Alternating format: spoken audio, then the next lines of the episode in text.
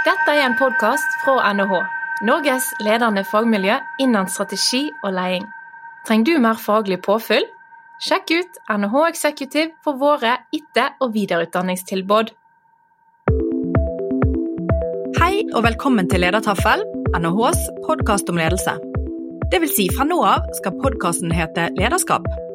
Vi skal hjelpe våre lyttere med å skape gode arbeidsrelasjoner, og ved hjelp av forskning og våre kloke gjester sette skapet på plass når det trengs. Mitt navn er Therese Sverdrup, og jeg er førsteamanuensis ved Norges handelshøyskole. I denne episoden har jeg gleden av å introdusere min nye podkastmakker som tar over stafettpinnen etter Marius Jones. Velkommen, Tellef Solbakk Rabe. Tusen takk. Du er nyansatt forsker ved SNF, samfunns- og næringslivsforskning, som er NHHs oppdragsforskningsselskap. Så før vi starter dagens episode, kan ikke du fortelle litt om din bakgrunn? Det kan jeg gjøre, og så må jeg si at det er fryktelig kjekt å være her. Jeg er i sluttspurten på min doktorgrad fra University of Cambridge, hvor jeg forsker på forretningsstrategier, digitalisering og omstilling i norsk avisbransje. Jeg skal jobbe videre med avise- og medieøkonomi i et forskningsprosjekt her på NHH som heter RACE, som logisk nok er et akronym for Radical Technology Driven Change in Established Firms. Utrolig kjekt å ha deg her, og med det ønsker vi velkommen til Lederskap, NHHs podkast om ledelse. Og I denne første episode av ny sesong skal vi snakke om mangfold. Hva er egentlig mangfold, og hva er utfordringer og muligheter knyttet til begrepet? Og bør egentlig mangfold måles? Vi skal også diskutere hvordan din bedrift kan jobbe med mangfold i rekrutteringsarbeid. Og Dagens gjest er Sumit Singh Patpatia, som er leder for mangfold, inkludering og tilhørighet i Skipsted. Velkommen til en ny episode av Lederskap. Hjertelig velkommen, Sumit. Kan vi starte med at du forteller litt om din uh, bakgrunn, og hvordan du fikk denne her nå helt nyoppretta stillinga i Skipsted? Takk for at jeg får komme. Jeg, ja, jeg er jo egentlig siviløkonom og har på en måte eh, økonomisk bakgrunn. Og så begynte jeg som kontroller i Telenor Norge i sin tid og druknet meg selv i Excel-ark. Eh, og så har jeg egentlig fulgt den linja. Jeg jobbet eh, en del i da, eh, Telenor Group. Da jobba vi eh, med eh, industrialisering og på en måte endringsreisen eh, vi, vi, ønsker å ta med hele Telenor på. Um, og etter det så var jeg i Rambøll og jobba med innovasjon og digi digitalisering. Så det, det, var jo også på en måte en transformasjonsreise.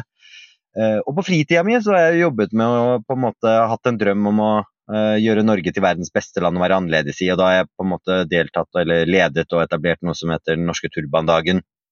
Eh, eh, hvor vi på en måte jobber med annerledeshet og skaper mer rom for annerledeshet. og så har jeg hatt andre initiativ på en måte på sidelinja. og så har jeg alltid tenkt liksom at det er to separate spor. og så med tolv år i arbeidslivet så har jeg liksom ikke øh, vet helt hvordan disse skal kobles sammen. Helt til jeg liksom så denne jobben, da, og så plutselig at øh, hobbyen og passionen min utenfor jobb og egentlig erfaringen min med å jobbe i virksomheter og tenke strategisk og egentlig all bakgrunn du også får som siviløkonom, da, plutselig krysset hverandre. Så ja, det, det var litt sånn, sånn jeg havnet inn i det. Og når jeg på en måte så at det kunne være en type jobb, så tenkte jeg at uh, uh, alt annet virka liksom litt sånn uh, kjedelig i forhold. Men dette er jo så spennende, Sumit. Men sånn i praksis, hva er det du jobber med da i det daglige når det, du har denne stillingen i Skipsted? Ja, akkurat første perioden jeg begynte, det er jo nyoppretta område, og uh, alt er på en måte nytt. Uh, selv om på en måte uh, veldig mange deler av organisasjonen har jobbet med det i lang tid, men det er liksom mer fragmentert. mye av tiden min første tiden har gått bort til å snakke med mennesker, da. Altså snakke med del, mange deler av organisasjonen. Jeg har snakket med Eh, ledere og eh, folk på en måte i organisasjonen for å forstå hva er det vi har gjort, ikke gjort, hva er det de føler behov for, eh, for å på en måte forstå hvor vi skal ta dette hen. og nå er på en måte oppgaven å utforme hva er det vi skal gjøre, og hvorfor skal vi gjøre det, og hvordan kommer vi oss dit. så Eh, vi sier jo at vi tror at det er et enormt potensial i mangfold ehm, eh, og eh, inkludering og tilhørighet, og at det er en del verdi å hente i det. Eh, men vi klarer ikke det før vi på en måte bygger kompetansen vår og forståelsen av at vi kan på en måte ta i bruk den kompetansen. Altså, mye handler jo om kompetanseheving, trening, spesielt fra toppen på ledernivå. At lederne først og fremst er komfortable med å, å, å jobbe med mangfold. Eh, det at de får mer inkluderende eh, atferd som gjør at folk eh, tør å dele mer, tør å komme med dårlige ideer, fordi vi tror de dårlige ideene leder til de gode ideene. Og at de kan få en slags psykologisk trygghet ved at de tør å ta med hele seg selv på jobb. Så, så, så du, du, det handler jo først og fremst om kompetansehevningen. Det handler om å gode, skape gode opplevelser for lederne og de ansatte. Eh, så det er på en måte en av de sterke verktøyene. Og så handler det jo også om å på en måte koble dette eh, veldig konkret til forretningen. Da. At eh, det Altså gi også de verktøyene som gjør at dette kobles med oppgaveløsningen. At det ikke er liksom at innovasjon er på en måte én silo, og så er mangfold, inkludering og tilhørighet en annen silo. Hvordan kobler du dette sammen? Så Det er også litt av det jeg prøver å forstå og lage litt sånn strategi for. Eh, hvordan vi eh, typ kan gjøre det, og hvordan vi på en måte kan eh, dra ut potensialet vi eh, faktisk ser i det. Da. Men kanskje vi kan eh, starte med det. da. Hvordan er det du vil definere mangfold? Ja, eh, altså vi sier jo at eh, mangfold er eh, på en måte mer enn det du ser. Vi typisk Når vi tenker mangfold, så tenker, har vi tenkt eh, kanskje skjønn, vi har tenkt eh, etnisiteter. Eh, men mangfold er jo på en måte både på en måte disse primærelementene som vi kanskje ser, men det er jo også mye mer. Det kan jo også være på en måte de ulike perspektivene vi har. Eh, og det kan være relasjonelle. Det kan være på en måte din erfaring som å være en lillebror, eller det å være storebror, eller det å være skilt, eller det å ha fem barn, eller hvordan vi, vi, vi på en måte forholder oss til familien. Eh, det kan være på en måte den industrielle er, erfaringen, hva slags måte, forretninger eller virksomheter vi har jobbet i, og hva slags roller vi har hatt der. Det kan være det sosiale, hvordan vi forholder oss til på en måte, venner, Eh, eller fiender eller, eh, eller familie. Eh, det kan være vår kognitive evne, hvordan vi tenker. Det kan være også de fysiske elementene som påvirker oss, eller verdiene våre f.eks. Så mangfold er jo på en måte når du har alle disse elementene, det er på en måte alle annerledeshetene vi har, de ulike typene, ulike variablene vi har. Når du putter de sammen, så får du jo på en måte et Eh, mangfold eh, i, i, en gruppe. Da. Og Det er sånn vi ser på mangfold. og vi tror at Hvis du har mye ulike perspektiver der, eh, så er det potensielt også mye å hente der. Da. Mm. Ja. veldig spennende. Jeg eh, kommer jo fra teamforskningen, da, Sumit. Sant? Så mm. der er jo jeg inne og, og syns det er kjempespennende å se på akkurat dette med mangfold i team, og, og artig at du òg tar det perspektivet. Og, og, der oppsummerer de jo gjerne med at vi skiller mellom det som heter overflatemangfold, og mer sånn dypere nivå eh, mangfold. Sant? Mm. Og surface level, eller det overflate, er jo det der synlige. Kjønn, alder, etnisitet, funksjonshemming. Men så er det det underliggende som gjerne er da disse holdningene, verdiene, personligheten som du peker på. Så jeg bare lurte på om dere har jobbet ut ifra noen sånne kategoriseringer. For du kan jo si at kanskje det er vanskelig å skille de også, for du vil si det at kanskje etnisitet og, og kjønn har med seg noen gitte verdier, selvfølgelig. Mm. sant? Mm. Så, så, jeg bare lurte på om dere hadde noen rammeverk, eller ja, hvordan dere har jobbet med det. Ja, vi, vi er jo, øh, holder jo på å utforme et rammeverk rundt det. Men ja, det er jo både på individnivå så har du på en måte det, altså, eh, typisk dette isfjellet, det du ser. Og så er det jo på en måte det store isfjellet som er på en måte skjult. da. Som, som gjerne øh, handler om alle disse erfaringene man har, og øh, på en måte som ikke er så synlige.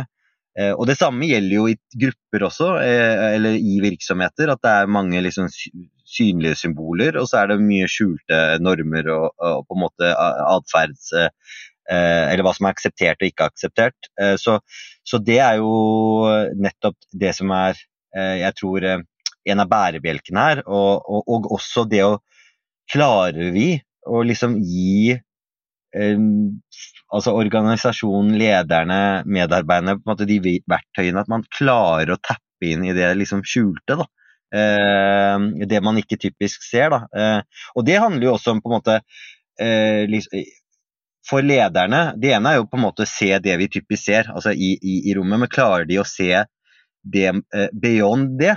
Det er jo, tenker jeg, er, Da er du inne på liksom det jeg vil kalle et god ledelse. Ser man blindsonene sine, f.eks.? Ser man eller blindspotsene sine? Ser man hva f.eks. En, altså en ansatt hva den potensielt kan ha opplevd hjemme eller utenfor, som den personen også tar med på jobb? ikke sant? Fordi Eh, vi er naive hvis vi tror at måte, man har ett separat Altså at man legger ifra seg eh, deler av seg selv liksom, idet man går inn eh, døra på jobb. Altså er, man tar jo med seg erfaringene man opplever ute i samfunnet. Eh, altså, dette er jo det kanskje mest klisjé-eksempelet, men at jeg går med turban og har skjegg og ser sånn ut som jeg gjør, det, det, det, er jo ikke sånn at jeg legger fra meg det når jeg kommer på jobb, eller når jeg går, går fra jobb, så er det borte jeg tar jo med meg disse opplevelsene ute i samfunnet med meg på jobb. Så klarer på en måte en leder å se det. Hvis det på en måte er noen hendelser ute i samfunnet, eh, det er noen store avisoverskrifter rundt, det å se, litt, eh, se sånn ut f.eks., klarer lederen å tappe inn hvordan det påvirker meg. da ja. Så, så det, det, handler jo også om det skjulte og det ikke skjulte. Nå, ja, nå sporer jeg sikkert helt, av, men ja. Nei, dette, dette, er kjempefint, og vi er kanskje inne på et tema jeg gjerne ville snakke litt om. For det er et ord som, eh, som gjerne dukker opp i, i, media, det er jo mangfoldskompetanse. Mm. Er det det du beskriver her, Smith?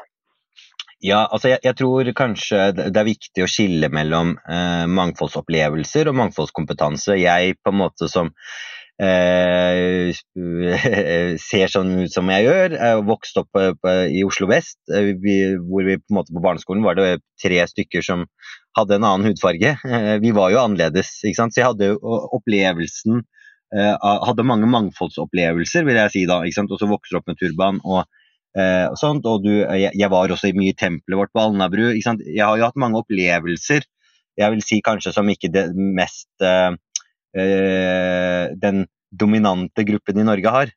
Så det er jo mangfoldsopplevelser. Eh, mangfoldskompetanse handler jo om noe mer. At du klarer å putte det i et rammeverk og system, som f.eks.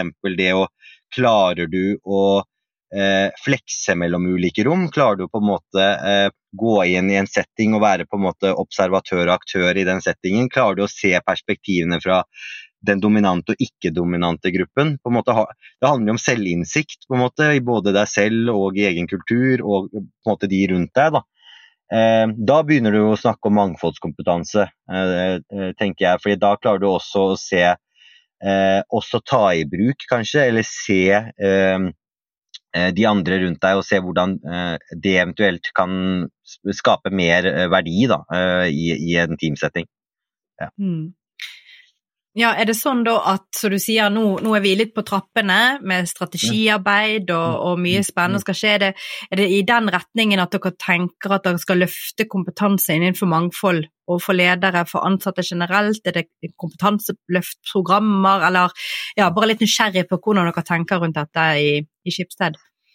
Ja, nå, akkurat nå så sitter jeg liksom med eh, et økosystem av ting i forhold til liksom når vi skal skape eh, det jeg kaller en endring, da, eller oppløftning. Eh, og i det økosystemet så handler det først og fremst om en en retning og mål. Eh, så det er noe vi ser på. Eh, eh, det andre er jo på en måte hvordan monitorerer vi dette, og hvordan sikrer vi at vi går i riktig retning. Så det må på en måte ha en slags governance-modell, og hvordan Prinsipielt så burde jo ikke denne funksjonen jeg har eksistere, det burde vært en naturlig del av lederskapet. Eh, så, eh, og Derav så tenker jeg at dette er en sånn midlertidig rolle, eh, hvor vi på en måte skal få ting til å bli business as usual. Om det tar to år eller åtte, det vet jeg ikke, men det er jo planen. Det betyr jo også at dette aldri vil bli en stor organisasjon. Dette må, vi må ta dette ut gjennom lederne. Så hvordan blir på en måte governance-modellen rundt det?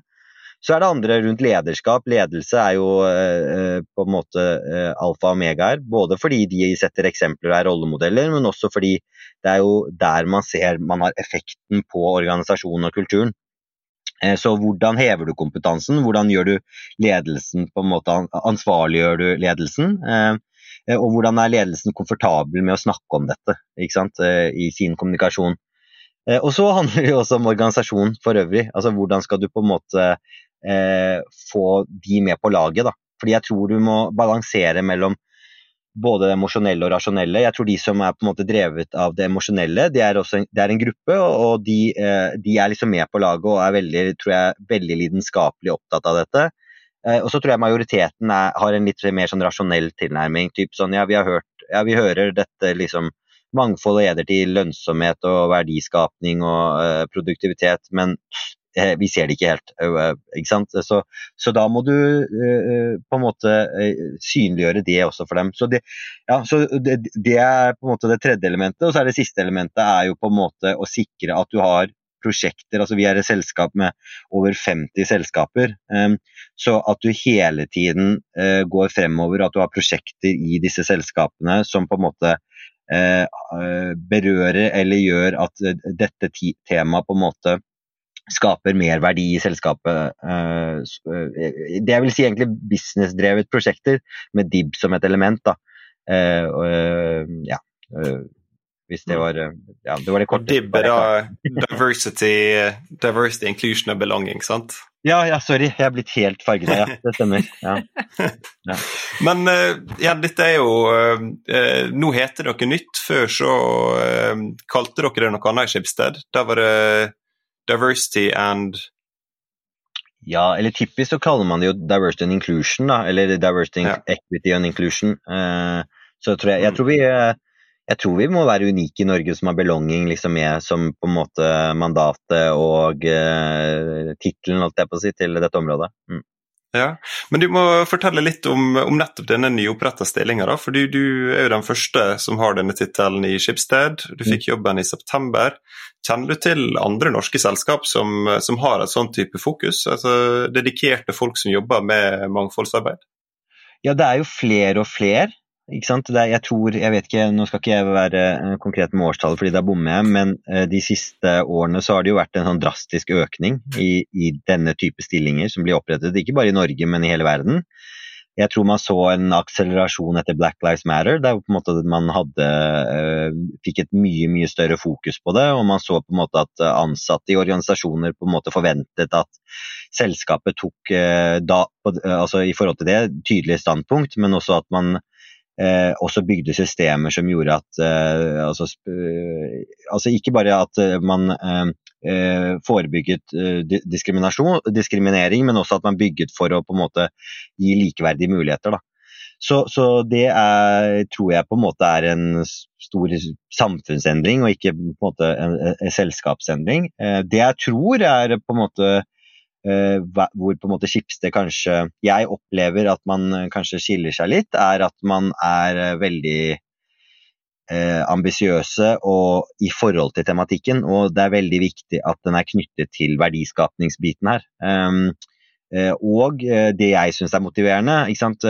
Man har jo typisk kalt det mangfold og inkludering, men jeg har egentlig opplevd dette temaet Det har jo vært på liksom, dagsordenen i mange år, men jeg har egentlig opplevd det som litt ekskluderende, fordi den har på en måte fokusert på én eh, mangfoldstype. Eh, så når, når, når, du kaller det mangfold og inkludering, men fokuset kun er på skjønn, så tenker du sånn ja, ok, men å ja, det, det, gjelder jo egentlig ikke meg, selv om du egentlig føler deg annerledes. Så jeg tror på en måte Skipsteds ambisjon er jo på en måte å åpne det mye mer. ikke sant? Eh, det syns jeg er kult. At det, det, man eh, virkelig tar inkludering på en måte gjør, gjør dette inkluderende, og ikke en ekskluderende eh, agenda. Da. Men eh, tenker du at eh, det er ulike behov i ulike bransjer? Altså Mangfold kan kanskje være en gode i seg sjøl, men er det ulike sektorer der det er spesielt viktig? Ja, definitivt. Jeg tror, jeg tror først og fremst at i et selskap så tror jeg også vi må liksom det er jo ikke sånn at all type mangfold er like viktig overalt. Altså, det ville nesten Uh, blitt litt rart. Uh, men det er jo ofte sånn du ser når man brander seg, så skal man liksom putte inn alle mangfoldstypene liksom inn i bildene. Sant? Men det er jo ikke sånn i realiteten. Altså, man må jo knytte det til oppgaveløsningen. Altså, det må på en måte uh, ha en tydelig kobling på i, i, ulike på en måte deler av organisasjonen, men også i, i, forhold til de ulike sektorene. Tro, det, det, er jo ulike utfordringer. ikke sant? Også når man ser Eh, relevansen eh, ja, til, til, produktet ditt, tror jeg det er det som er viktig. Og jeg tror det er viktig å liksom jeg bruker veldig mye tid til å forstå demografien i liksom samfunnet. Fordi jeg tror på en måte Det ene, det ene handler om på en måte basicen. Skal du eh, liksom ha en gjenspeiling eller representasjon av demografien? Ja, men hvorfor det? Jo, det handler jo om at du skal gjøre produktet ditt relevant for, for disse gruppene. Så hvis du bruker demografien som utgangspunkt, så tror jeg det er liksom mye å hente der. Eh, i forhold, og så må du koble det til produktet ditt. Så, så, så, hva, hva, er det vi på en måte vil oppnå, hva er det vi vil levere på i forhold til den demografien? Ja, Da får du egentlig veldig sånn pekepinn på hva slags eh, mangfold du burde ha i din organisasjon. Jeg er jo spesielt opptatt av eh, mediebransjen, og, og der så anslås det at rundt 1% av redaktørene og 2% av ansatte journalister har en eller annen eh, minoritetsbakgrunn, eh, mot 18,4% av befolkninga. Og så vet vi også at uh, det er rundt 2% av siterte kilder i, uh, i mediene som, som, har innvandrerbakgrunn. Hva tenker du om det? Ja, Det er jo en, helt klart en utfordring. Og det er på en måte Og igjen tilbake til demografien. da. Altså Her har du demografien som en pekepinne, så du kan liksom velge Eh, eh, hvis du ikke gjør noe med det, så tror jeg du potensielt blir irrelevant for en stor del av befolkningen. Det så vi under eh, covid på en måte, når, når, eh, altså i 2020, eh, mars 2020, at vi sleit med å nå ut til altså generelt med informasjon til enkelte grupper. Det er jo kanskje fordi måte, produktet vårt ikke er relevant for dem. Altså, og for å gjøre det, så må du først og fremst ha eh, For at produktet skal være relevant, så må du ha innsikten der. Eh, og det handler om kildene dine. Så det er jo på en måte eh, helt klart noe vi ser på, og jeg tror alle egentlig ser det i organisasjonen også. Og det andre er jo hvordan gjør du det, hva gjør du med organisasjonen? Jeg tror VG er et sånn godt eksempel hvor man på en måte ser det, hvor man på en måte også ser behovet for at Eh, det man ofte har gjort, er å peke på liksom, eh, pipeline og si ja, men det er ikke vi har ikke flerkulturelle som har gått journalistikklinjen eller har eh, redaksjonell erfaring. Så du kan liksom Tradisjonelt så tror jeg man har pekt på den pipelinen, og så har man kunnet ta det med ro, for det er jo ikke nok der. Eh, mens jeg tror eh, det VG f.eks. gjør nå, er at ok, hvis ikke det er noe i pipelinen, da må vi på en måte hacke pipelinen. Eh, så det de da gjør, er at de har gått ut med f.eks. en stilling der de ser at okay, vi må bygge mangfoldskompetansen vår i organisasjonen vår, fordi vi, er, eh, vi tror eh, det er et potensial der. Så for å gjøre det, så må vi også bygge den flerkulturelle kompetansen hos oss. Da må vi også rekruttere journalister som er kompetente, har talenter som vi tror er verdifulle, men de trenger ikke nødvendigvis å ha journalistisk bakgrunn eller erfaring. Det tror vi at vi kan utvikle dem selv, hvis de er kompetente nok. Og de har en interessant bakgrunn for oss. Så det er jo det VG egentlig har gjort nå. Um, eh, og, eh, og, jeg tror med den innsikten så tror jeg endringer også vil skje, da. Eh, og mye, det, mye, av det på en måte organisasjoner, om det er journalistikken eller mediebransjen eller andre, det man ofte peker på, er jo tiden. Man det, det, eh, Når du skal ut en sak, så har du veldig lite tid. Så det å på en måte, Da er det så enkelt å bare bruke de typiske kildene man har. Men der må vi på en måte eh, ta oss mer tid. da, eh, Rett og slett på en måte kanskje ta noen omveier da, eh, enn det vi typisk er vant til. Eh, og det er jo da eh, noe vi ser på nå. Og jeg tror vi ser det. At det er på en måte ikke bare en utfordring, men også et stort mm. potensial der. da.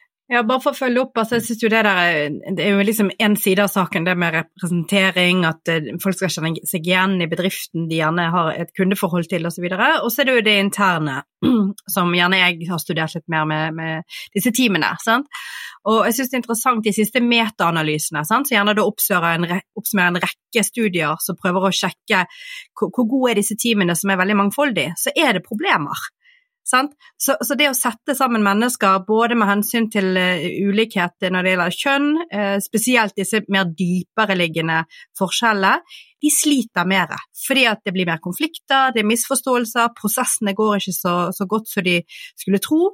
Og når man gjør sammenligninger, eksperimenter f.eks., og setter sammen veldig homogene team mot mer heterogene team, så slår de homogene teamene de heterogene teamene. For de kommer raskere i gang, de forstår hverandre bedre, og de smoother det til i, i, i arbeidet.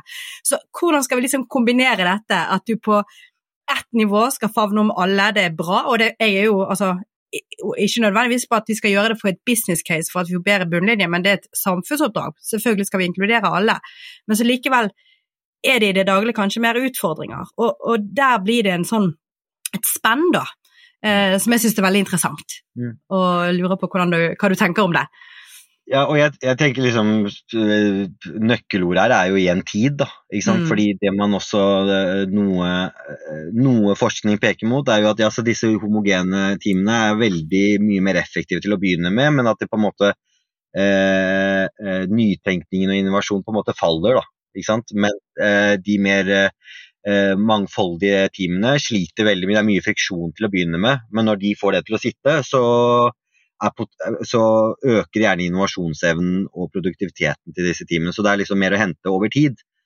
Eh, og så tror jeg det, det, er jo det ene, men igjen så går jo det tilbake til at du må jo eh, Det er nettopp der mangfoldskompetansen er viktig for den som leder det teamet. At de på en måte Jeg tror det man har sett også, er jo at eh, de lederne som på en måte har er empatiske, så de er nysgjerrige, de lytter, de på en måte inkluderer, de ser på en måte hvem som er aktive, ikke aktive, på en måte har disse inkluderende egenskapene, men samtidig er gode prosessledere, så de driver prosessen hele tiden videre. Den kombinasjonen da, er uh, gjerne det som er nøkkelordet for hvert fall uh, mangfoldige team, da, og at det er det som på en måte kan gjøre at de blir effektive over tid. Men ja, det tar lengre tid, i hvert fall mm. til å begynne med. Mm. Mm. Altså jeg tenker Helt opplagt så er det jo slik at et mangfoldig team har et større potensial å trekke på, sant? både av mm. ideer, kunnskap osv. Men så har de et større potensial for konflikter, og hvis ikke man anerkjenner det, så kommer man jo ingen vei. Så det det, jeg syns det er veldig godt det du sier med, med fokuset på prosessledelse. Altså, den forskningen vi òg har gjort som handler om det der med oppstartsfasen, at man starter smart og avklarer forventninger, setter mål som alle er om bord på, skjønner hva de ulike skal gjøre. Du kan bruke det på veldig mange eh, eh elementer innenfor dette òg, da. Mm. Mm. Men i, i, ditt arbeid, Smith, uh, hva type utfordring ser du med, med mangfoldsarbeidet? Er det f.eks. deler av organisasjonen der du møter motstand for at dette er viktig i det hele tatt, eller uh, der det oppstår uh, friksjon? Ja, altså, eh, For det første så er det liksom eh, Når jeg begynte her altså det, jeg, jeg er jo skikkelig redd da, for temaet. Fordi du, du, Jeg tror beyond alle disse målingene og prisene og alt mulig rart, så handler det jo om individer. Det handler om liksom meg som menneske og hvordan jeg har det og trives, og liksom hva slags eh, eh, hva slags motivasjon jeg har for å gå på jobben. Tør jeg å ta med hele meg selv under lunsjen? Tør jeg å dele den jeg er? Så det handler liksom om individet, og dette skal jeg liksom drive og på en måte tilrettelegge for. Eh, så jeg tenker sånn eh, du, du, Vi snakker om det veldig overordnet, fordi det er det som du på en måte må gjøre, men la oss ikke glemme at liksom, det handler om enkeltindivider. da, og når du da tapper inn i den spacen, så syns jeg du skal være veldig ydmyk og forsiktig. Da. Fordi eh, for det første um, å ha en igjen tilbake mangfoldsopplevelse. Jeg kan ha en mangfoldsopplevelse av å være flerkulturell. Det vil ikke si at jeg forstår det å ha en annen seksuell orientering, ha nedsatt funksjonsevne eller eh, eh være eh, over 70 år. Er, man skal ha veldig eh, respekt for at eh, det er ulike typer av mangfoldsopplevelser, og det gir deg en, uh, ulike typer opplevelser og forståelse og innsikt.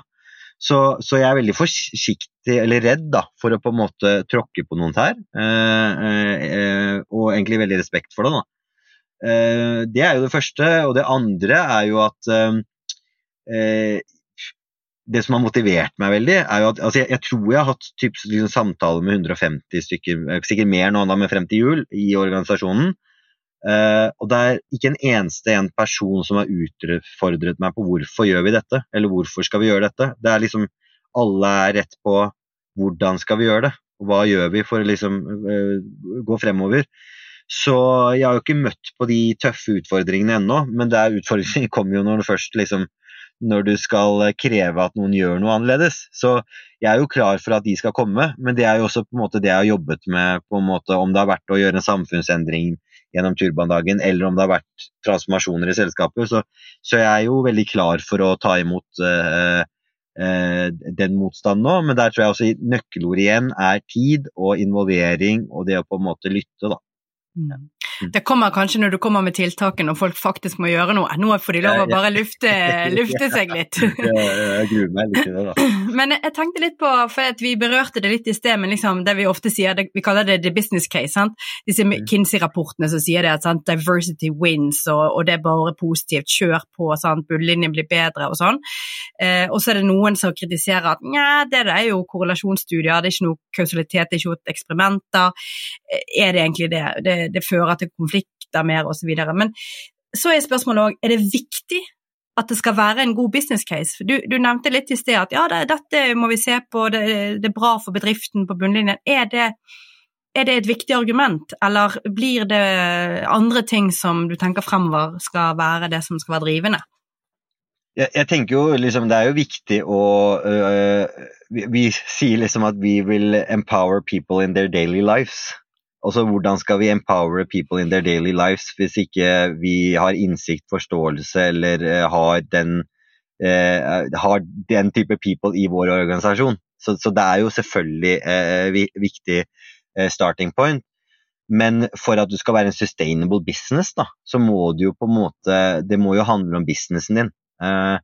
så tror jeg at det, det, å, det som ikke er viktig, eller sånn jeg hører egentlig fra organisasjonsledere her, det, det, er jo at eh, de er så lenge De trenger ikke nødvendigvis disse bevisene for at ja, dette leder til lønnsomhet og produktivitet og innovasjon. De, de ser det egentlig selv. At vi, hvis vi er for homogene, så, så, kommer vi til å slite med å på en måte ha et godt nok produkt, eller utvikle produktet vårt. Og jeg tenker liksom Det holder i seg selv. Hvis du klarer på en måte å fokusere det nok og se at dette, vårt produkt kan bli bedre hvis vi på en måte får mer eh, eh, eh mangfold, eh, det perspektiver i teamene våre, så tenker jeg det, det holder for nå. La oss liksom ikke det, det, som kanskje ligger langt frem i tid, det kan vi ta da, men la oss starte her, da. Eh, og, og, Det er derfor jeg også ser litt på altså Min bakgrunn er, altså De siste årene har jeg jobbet med innovasjon. Så det er der jeg tenker at det er der vi skal fokusere også, og koble disse tingene sammen. Eh, og se på eh, oppgaveløsningen fra starten av, og ikke som på en måte en ting, eh, en black box som kommer om fem eller ti år. Mm.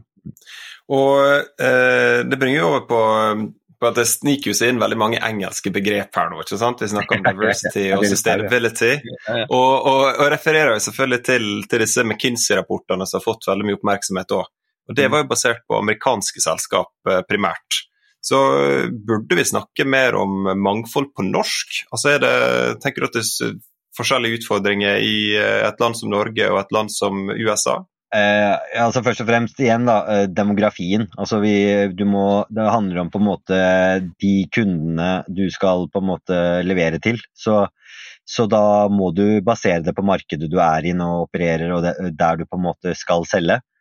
Eh, så jeg tror på en måte jeg, jeg, altså det ene er altså Forskjellene mellom Norden eller Norge og Danmark, nei, unnskyld, USA er jo øh, store, på en måte, fordi samfunnene er så ulike. Så det er jo på en måte lang avstand. Øh, også, men tar du liksom ulikhetene på en måte bare fra Norge til Sverige til Danmark, så er det jo store forskjeller her òg. Så du må på en måte ha den innsikten og ikke generalisere det. Og det er kanskje det som har vært utfordringen, er jo at vi kanskje tror man kan copy-paste det. Det er det ene. Og det andre er jo at det finnes jo ingen, i hvert fall ikke på nordisk nivå, som altså Alle ser jo til venstre og høyre og tenker bare sånn ok, hva kan vi plukke, hva er det vi gjør, hva er, hva er det man skal gjøre? Det er så ferskt, det er så nytt, og det er ingen som helt, helt har naila det. Så det gjør jo på en måte det vanskeligere, og eh, det betyr jo også at vi trenger å løfte på en måte forståelsen for eh, hva skal man gjøre, og eh, kan vi se effekten av det? Hva, hva leder eh, det til, eh, på en måte? Før vi på en måte ja, på, på, på, virkelig lokalt nivå. Jeg vil påstå liksom hyperlokalt nivå, da. Mm. mm. Jeg blir jo litt nysgjerrig på det. Det kan være det for tidlig for dere, for at du sier vi samler inn data og jobber med strategi, og så snakket du noe om dette med mål. Er dere begynt å sette mål, eh, og i så fall er det vanskelig? Eller eh, mm. ja, hvordan tenker du rundt det? Ja, Man har jo hatt mål her tidligere, eh, ikke sant. Eh, og, eh, og det, det, har jo vært bl.a. veldig sånn skjønnsbasert, ikke sant. Mm. Så, så, da jeg begynte, så tror jeg man sa at man liksom på de tre topp ledernivåene på en måte har nådd målene på skjønnsbalanse, da. Ikke sant? Så det er derfor man på en måte beveger seg et steg videre. Um, så der har man jo hatt det, og uh, vi holder på å se på det nå, og det er ja, veldig vanskelig. Jeg tror det er lett å måle at folk har gått gjennom en uh, trening, men skal, hvordan skal du måle uh, atferdsendring? Uh, den er vanskelig. Det, det, som også er vanskelig, er ja, du kan måle at folk føler seg inkludert, men hvis majoriteten i organisasjonen føler seg inkludert, eh, så er det kanskje fordi de tilhører en dominant gruppe. Men, så du kan godt si ja, 90% i organisasjonen føler seg inkludert, men hvis de 10% som er ikke-dominante, er de som ikke føler seg inkludert, så er det jo på en måte en utfordring. Hvordan, det er kjempevanskelig, men eh, vi, jeg tror der man har steppa opp også før jeg kom, er jo å inkludere alle liksom, diversity, inclusion, belonging elementene i eh, måten vi måler på, ta pulsen til organisasjonen. Så der får man jo en viss eh, pekepinne. Og så gjør vi noen virkelig dybdeanalyser nå i, i noen av selskapene våre. Hvor vi virkelig liksom gjør mange dybdeintervjuer. Vi eh, eh gjør, tar, alle, tar alle gjennom en ganske sånn eh, omfattende eh, undersøkelse for å forstå ikke bare liksom mangfoldet vi skal rekruttere, men først og fremst hvilke mangfold har vi, men som på en måte er et taus eh, mangfold, som vi egentlig eh, ikke får tatt i bruk, eh, eller vi aldri spør om. Eh, eh type liksom det, Ta det flerkulturelle. Vi vil typisk tenke på det flerkulturelle som eh, en som kanskje er født og oppvokst i et annet land og kommet til Norge, eller en som har foreldre med en annen flerkulturell bakgrunn. Men hva med alle de som på en måte har tilbrakt, eh, altså tilbra mange år i utlandet, som fordi du eh, foreldrene dine har eh, vært diplomater, eller du har vært på utveksling, eller du har liksom studert i utlandet, eller vært Det er jo mange flere elementer her. Hvor ofte etterspør man det, da? Det er et ekte eksempel. ikke sant? Eller blir det på en måte en sånn taus mangfoldskompetanse som på en måte aldri man ser et behov for, eller man tar i bruk. Da. Så det går jo tilbake igjen. Da. Altså, dette er den type analyse vi gjør nå for å forstå virkelig organisasjonen. I, eh, virkelig få dybdeinnsikten eh, i, i, i eh, hvor eh, gode eller dårlige vi er, og hva vi burde gjøre da, for å ta dette videre. Mm. Men da kan jeg spørre hva du, hva du type mangfold du tror det er verdt å rapportere på. For i, i Skibsted sine årsrapporter, så, så, faktisk før du kommer til finansielle resultat, så er jo det Eh, så legger man fram eh, alder og kjønnssammensetninger i organisasjonen brutt ned på ulike nivå. Mm. Eh, hva type andre faktorer mener du det hadde vært viktig eller hensiktsmessig å rapportere på? Kan man rapportere på f.eks. flerkulturell bakgrunn? Ja, og det er jo, altså, For det første så begrenser jo loven oss i Norge da, til å, å kunne gjøre det. Så er det begrenset hva vi kan ta inn og måle på. og så tenker jeg sånn Eh, hva sier egentlig de tallene, da? Altså Hvis du begynner å liksom eh, har noen gode tall på på en måte folk med flerkulturell bakgrunn, liksom. Eh, hvor, altså, hvor, hvor, skal du skille det? Altså, du kan være adoptert, du kan ha vært liksom Du kan hete Ola og vært, eh, bodd 30 år i India, liksom. Altså, hva, hva, hvordan skal du sette tall på det, liksom? Eh, så, så jeg, jeg, jeg, vet ikke hvor viktig det er. Altså, det beste hadde jo vært å kunne si noe om på en måte eh, hvor inkludert Hva slags kultur har du? Har du en inkluderende, lærende kultur? Ikke sant? Det ville jeg gjerne hatt noe tall på. da. Eh, er det sånn at folk føler liksom, slags tilhørighet til organisasjonen, eller hva, er det vi på en måte, hva gjør vi for at det skal skje? Eh, eh hvor, eh, måte, hvor inkluderende ledere har vi? Altså Hvis vi kunne satt noe tall på det, da, så syns jeg det, det er mye mer interessant eh, enn på en måte disse typiske eh, andre tallene. Mm. Nå har vi snakka en del om eh, utfordringer med å måle mangfold, men eh, tenker du at det også kan finnes utfordringer med å bruke mangfold i rekruttering? F.eks. så kan man se for seg at man ikke i et jobbintervju skal spørre noen om deres seksuelle orientering, selv om man tenker at det er fint med et mangfold av sånne typer erfaringer i organisasjonen også. Ja, altså Det ene er jo um, Altså, eh, mangfold eh, er jo utrolig viktig hele på en måte employee life cyclen. Altså helt fra du, hva slags annonse du putter ut, og hva du putter i annonsen, eh, og rekrutteringsprosessen helt fra på en måte hvem du tar inn. Altså hvordan selekterer du? Er det sånn at du alltid Eh, hvis du utlyser en ny stilling eh, som har blitt ledig, eh, bruker du akkurat den samme stillingsbeskrivelsen som du gjorde for tre år siden, og så har egentlig de tre år før også brukt den samme som var tre år siden, hvor mye utvikler du deg? Og når du da drar inn kandidater, hvor annerledes tør du å tenke egentlig? Og Da tenker jeg ikke bare sånn der, eh, at du skal få inn noe med flerkulturell kompetanse, sånn typisk, eller kjønn som vi alltid tenker på, men tør du å tenke annerledes i forhold til den bakgrunnen den personen kommer med? Den, er, tør å ta inn eh, flere på en måte ulike perspektiver. Um, og så tror jeg det er hvem, hvem er det uh, den som blir, er i rekrutteringsprosessen, møter. Da. Jeg føler um, under min rekrutteringsprosess uh, så følte jeg jo utlysningen for det første var veldig fin. Den har jeg jo i ettertid skjønt at de har brukt liksom en måned på. da.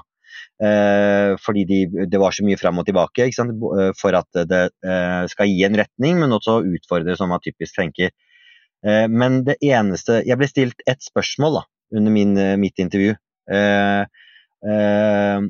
og da jeg ble stilt det spørsmålet, så snakka jeg jeg ble så satt ut, fordi det ene altså det, jeg ble spurt om, er altså Hun sa også du kan gå så langt tilbake i tid du bare vil, og eh, bruk så lang tid du bare vil når du forteller det. Vær så god, liksom. Eh, fortell om deg selv og hvordan din mangfoldskompetanse har blitt bygget, og hvordan du kan gjøre deg relevant i den rollen.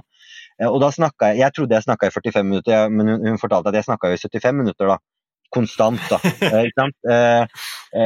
Men jeg tenkte herregud, hvor mange intervjuprosesser har jeg ikke vært i hvor jeg må putte meg selv i noen bokser?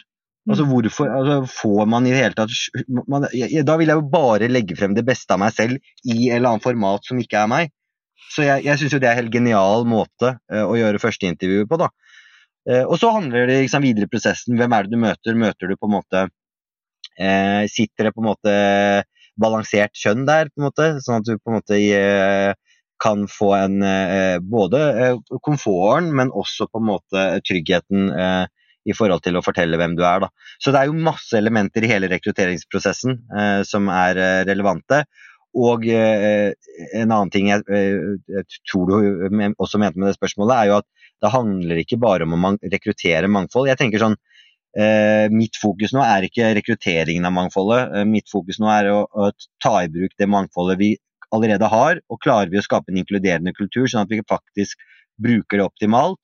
Og klarer vi å bruke det mangfoldet vi kanskje ikke ser vi engang har. Når vi har det på plass, da kan vi, godt, da kan vi ønske mangfoldet velkommen òg, fordi vi har på en måte et sted å ta dem imot. Mm. Mm. Eh, bare et lite eh, side note for, for, den, for jeg ser ofte i sånn utlysningstekster så står det sånn Vi legger vekt på mannfolk. Vi oppfordrer alle som er kvalifisert til å søke, uten hensyn til kjønn, alder, funksjonsnedsettelse, kulturell bakgrunn og hull i CV-en. Eh, oppfordrer det folk fra forskjellig bakgrunn til å søke, eller hva tenker du? Altså, øh, vi, altså for, for, eksempel den VG-utlysningen, den er, tenker jeg sånn øh, der, der, trenger du nesten ikke å si det engang, fordi det, det, er bare så innbakt i hele utlysningen. på en måte, At man, øh, man er interessert i annerledes ulike perspektiver, for man ser verdien i det, og man er veld, veldig konkret med å definere hva den verdien er for produktet. Så jeg, jeg, jeg, tror jo det er det som skaper kraft, og det er der du også Det som skjer med sånne utlysninger, er jo at du får enormt mange søkere, og du får uh, også overkvalifisert, alt jeg på å si, søkere også. Ikke sant? Du, uh, fordi den uh, toucher inn på kanskje den delen Altså enda flere mennesker, da. Så, jeg tror det er jo det neste. At man, og, man skal ta veldig mange runder på disse adsene. Altså her er det jo både i forhold til språket og ordene man bruker, men også Eh, den beskrivelsen man har. Ehm, bare for å ta et eksempel, et av brandsene våre, så, så var det en utlysning hvor man krevde at den som man eh, skulle få jobben, da, eller ble rekruttert, måtte kunne flytende eh, norsk, eller nordisk språk, muntlig og skriftlig. Og hun som fikk den, fortalte at hun utfordret jo det, da, når hun på en måte søkte. Og hun utfordret hele prosessen, da, for hun kan ikke norsk. Men hun kan spansk, da. Eh, og engelsk, selvfølgelig.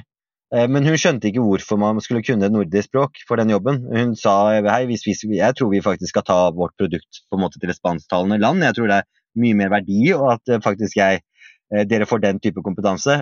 Og hun fikk jo rett, så hun fikk jo jobben.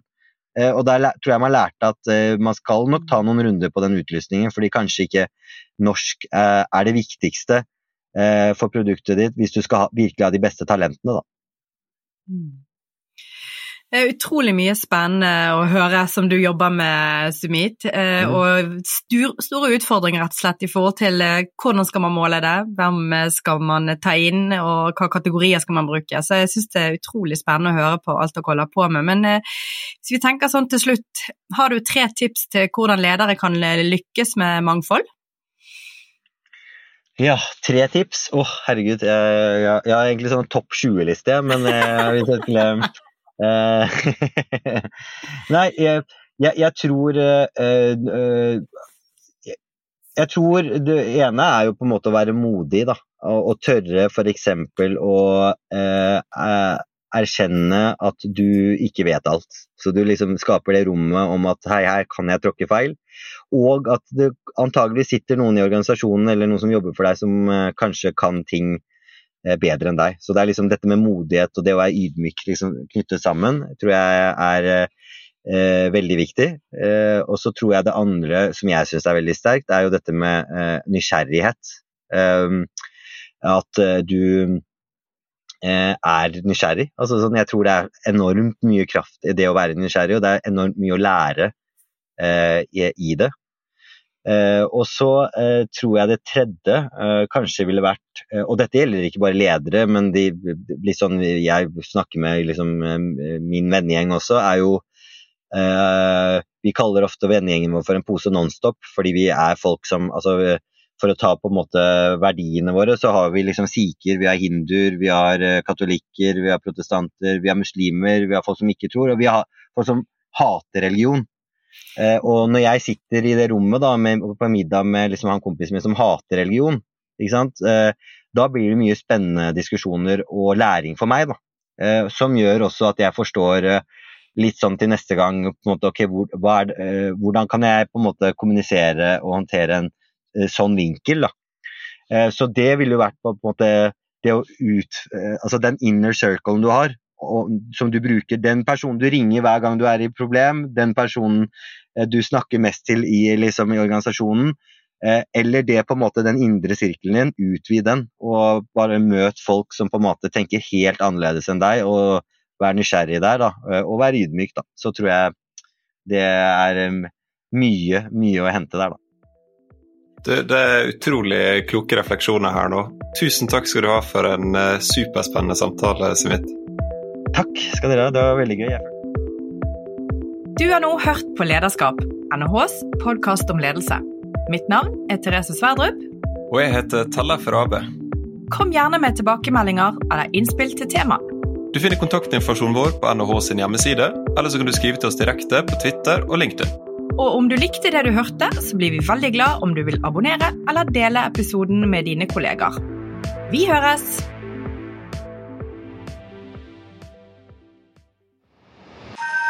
Dette er en podkast fra NHH, Norges ledende fagmiljø innen strategi og leding. Trenger du mer faglig påfyll? Sjekk ut NHH Executive for våre etter- og videreutdanningstilbud.